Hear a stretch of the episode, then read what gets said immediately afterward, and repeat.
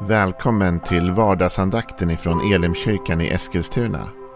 Det här är en podcast som kommer ut måndagar till fredagar.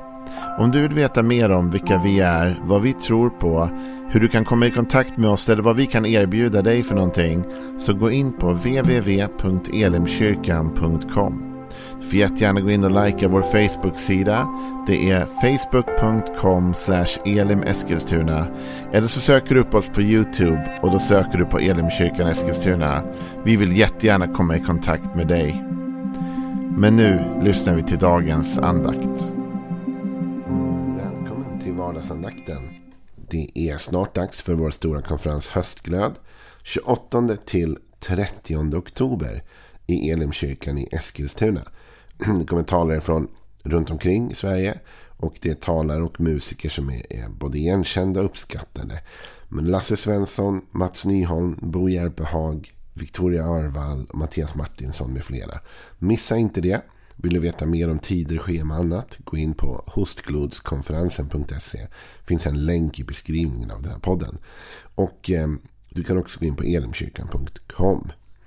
Mer om det eh, något annat tillfälle. Nu ska vi läsa om domen. Vi började lite grann med det igår. Och det kanske inte är ett jätteuppmuntrande och roligt tema. Men jag tror att det är ett viktigt och nödvändigt tema. För vi har blivit hårdare i vår tid. Och Jesus, han säger att det här är inget märkvärdigt. Han säger faktiskt tvärtom. Han säger att mot tidens slut så kommer kärleken att svalna hos de flesta. Så Jesus vittnar om och talar om en tid som kommer bli dömande, hård och kall. Och då är det viktigt att du och jag hela tiden håller upp då en spegel mot oss själva och ser, dras vi med i detta? Eller håller vi våra fötter på rätt plats och fortsätter att leva i kärlek och empati och barmhärtighet och nåd och allt vad det är. Och idag ska vi tala om en sak som faktiskt är en varning till oss själva, verkligen. Man tänker att dömandet är jobbigt för andra människor. Det är jobbigt för dem vi dömer. Men det kan också vara jobbigt för oss. Eller skapa problem för oss själva. Vi läser igen från Matteus 7, vers 1 till och med 5. Döm inte så blir ni inte dömda. Med den dom ni dömer med ska ni dömas. Och med det mått ni mäter med ska det mätas uppåt er. Varför ser du flisan i din broders öga men märker inte bjälken i ditt eget öga? Och hur kan du säga till din broder, låt mig ta bort flisan ur ditt öga när du har en bjälke i ditt eget? Hycklare, ta först bort bjälken ur ditt eget öga så att du ser klart nog för att ta flisan ur din broders öga. Igår talade jag lite grann om att Jesus kortfattat säger döm inte. Och han själv visade med sitt liv att han var inte en sån som kom hit för att döma. Och till och med Johannes skriver om honom att Gud älskade världen så mycket att han gav oss Jesus. Och att Gud sände inte sin son till världen för att döma världen. Utan för att världen skulle bli räddad genom honom. Så Jesus kom inte hit för att döma utan han kom hit för att rädda. Och ändå vet vi att Jesus var den enda och är den enda som egentligen har rätten att döma. Han är ju Gud själv. Döm inte, säger han här i Matteus, så blir ni inte dömda. Här talar Jesus dels en uppmaning vad vi inte ska göra. Men sen talar Jesus också en konsekvens. Döm inte så blir ni inte dömda. Det är ett varningens ord kan man säga. Döm inte så blir ni inte dömda. Och så fortsätter Jesus. För med den dom som ni dömer ska ni dömas. Och med det mått ni mäter med ska det mätas upp åt er. Nej, Bibeln talar inte om karma på det sättet. Det är inte ett bibliskt begrepp. Men Bibeln talar mycket om sådd och skörd. Och här talar Jesus om att det vi mäter upp och det vi ger ut, det kommer också komma tillbaka till oss. Och det finns två aspekter av det här, tänker jag mig. Det finns säkert fler, men två som jag ser framför mig. Det ena är en andlig aspekt och det ena är en rent mänsklig aspekt. Ofta är det ju så när Bibeln talar att den är flerbottnad. Den har både ett perspektiv som är mer allmänmänskligt. För Bibeln är full av goda råd och det är därför många människor som inte ens tror på Gud kanske läser Bibeln för att ändå ta in den kunskapen och leva efter viss etik och moral som man hittar där. Eh, men den är också en andlig bok. Och den tar upp saker som rör Gud och rör det som vi inte alltid ser. En dag kommer vi alla stå inför Guds domstol. Och då, när vi står där, så vill vi inte ha med oss tror jag, i bagaget att vi har dömt alla andra. Därför Jesus säger att med det mått vi har mätt med ska det mätas uppåt oss. Han säger döm inte så blir ni inte dömda. När jag kommer till himlen så tror jag att eh, Jesus och jag kommer att ha fullt upp och titta på vad jag har hållit på med. Jag behöver inte lägga till den bördan genom att, att Gud också ska behöva stå där och säga och Joel, allt det här du sa om alla de här personerna och hur du dömde den här och hur du talade illa om den här. Så jag behöver inte det extra där. Va? Utan jag blir fälld i alla fall och sen blir jag frikänd genom Jesu blod. Halleluja. Att det är det som är hoppet, eller hur? Att Jesus har friköpt oss från syndens och dödens lag. Men poängen är, det finns en andlig princip här. Där Gud, där Jesus, vem är det som talar de här orden? Det är Jesus. Det är Guds son. Han säger, hörni, döm inte så blir ni inte dömda. Lite senare i Markus 11 så kommer Jesus tala om att när vi står och ber så ska vi förlåta dem vi har något otalt med. För då ska också Gud förlåta oss. Alltså det finns någon sorts andlig spegling av vårt agerande här gentemot varandra. Och det märker vi också för Jesus säger vid ett tillfälle. Det ni har gjort mot en av den, dessa mina minsta, det har ni gjort för mig. Så med andra ord, hur du och jag lever mot varandra är också en återspegling av vår relation med Gud. Och Jesus säger döm inte så blir ni inte dömda. Om vi ger ut barmhärtighet kommer vi också möta barmhärtighet. Men om du och jag lever dömande liv så kommer vi också möta det. Vet du, jag tror, det här har jag kanske inga teologiska belägg för. Eh, annat än eh, förhoppningsvis att jag har ändå vandrat med Herren ett tag. Men jag tror så här, när vi kommer upp till himlen. Så tänker jag mig att det finns många människor som nästan gjort en karriär av att döma andra. Många kristna människor som liksom deras hela grej är att berätta om hur dåliga alla andra är och hur dåliga alla andra kristna är. Men också hur dåliga alla i världen är och hur mycket synd och, och allt det finns. Och vet du, när, jag, när vi kommer upp till himlen så tror jag inte Jesus kommer titta på dem och säga tack. Hörru, tack för att du styrde upp allting. tack för att du verkligen eh, såg till så att människorna skärpte sig. Och det var det jag behövde och jag visste att jag kunde lita på dig. Utan när de kommer upp dit så tror jag Jesus kommer säga okej, okay, du har dömt alla andra. Du har dömt de kristna, du har dömt syndarna, du har dömt alla i hela världen. Nu ska vi titta på hur du har levt ditt liv. Alltså, jag tänker mig att när jag kommer upp till himlen skulle jag hellre vilja mötas av Gud som säger Joel, du har haft många problem. Onekligen har du mycket bekymmer Joel. Men du har i alla fall varit barmhärtig mot andra människor. Och du har visat nåd mot de andra som inte heller har hållit eh, ribban eller kunnat leva upp till målet. Och därför Joel så ska jag visa dig nåd. Du vet, jag tror att någonstans så ska vi inte döma här och nu. Utan låt Gud vara domare. Du och jag, vi behöver inte ta den rollen. Det finns en domare. Och en dag kommer han döma. Och då kan du och jag bara förlita oss till och hoppas på Guds nåd. Men låt oss inte gå runt och döma andra människor. För vi kommer bara själva skapa problem för oss själva. Det är det andliga perspektivet. Men det finns ett mänskligt perspektiv också. Och det är att när du dömer andra så sätter du ribban för dig själv. Eller hur? Du kan ju inte gå och klaga på dina arbetskamrater för att de är dåliga på att diska. Liksom, om du sen själv inte diskar din disk. För så fort du går och säger till dem, hörni nu får ni skärpa er, det står disk överallt. Då kommer de också titta på vad du gör. Och du kan inte gå till dina arbetskamrater och säga, du måste vara i tid med dina uppgifter, du måste göra det här. Och sen inte lämna in dina uppgifter i tid. Faktum är, ribban höjs nästan för dig. Det är ännu viktigare att du nu lever upp till den ribba du själv har satt. Jag har haft en del chefer genom åren som har satt höga ribbor.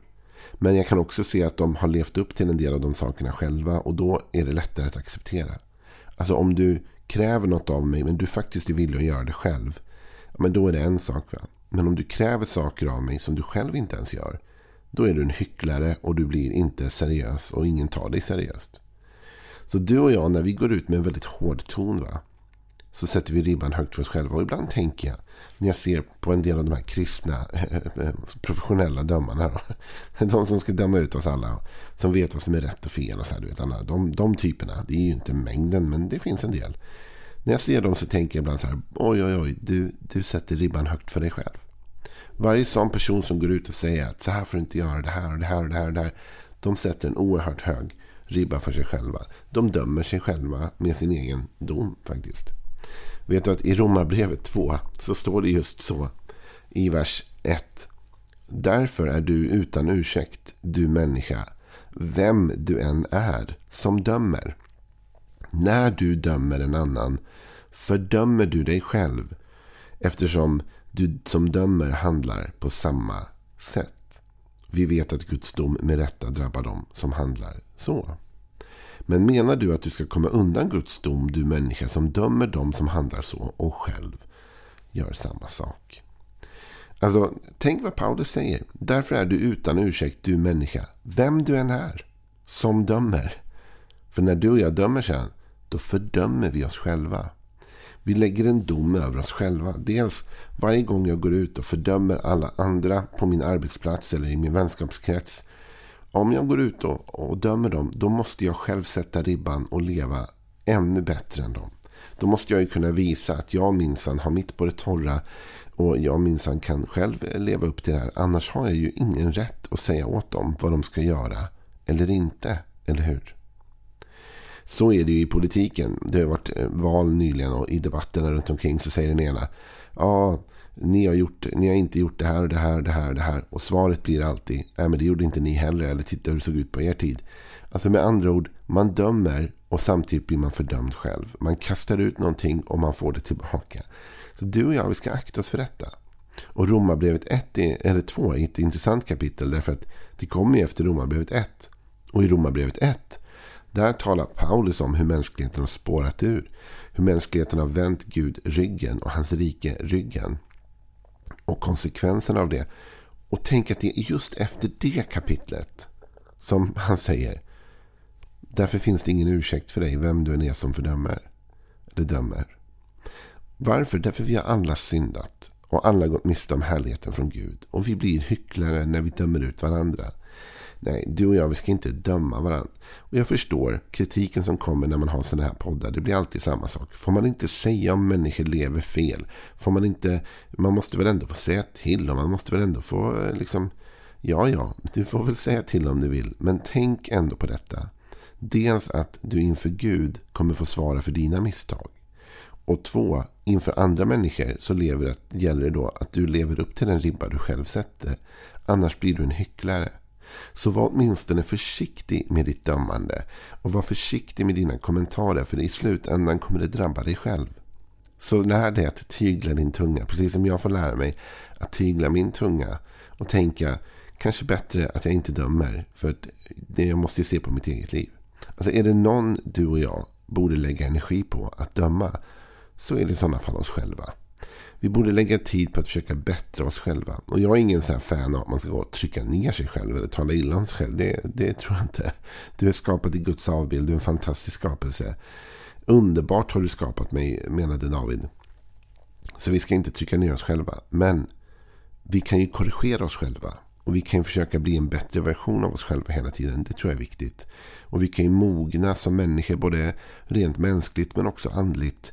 Och det ska vi såklart göra och jobba med. Där borde vi lägga vårt fokus. Inte på att döma varandra. Och när vi dömer varandra då dömer vi också oss själva. Och vi öppnar upp oss själva för en dom. Och det är ju bara faktiskt onödigt.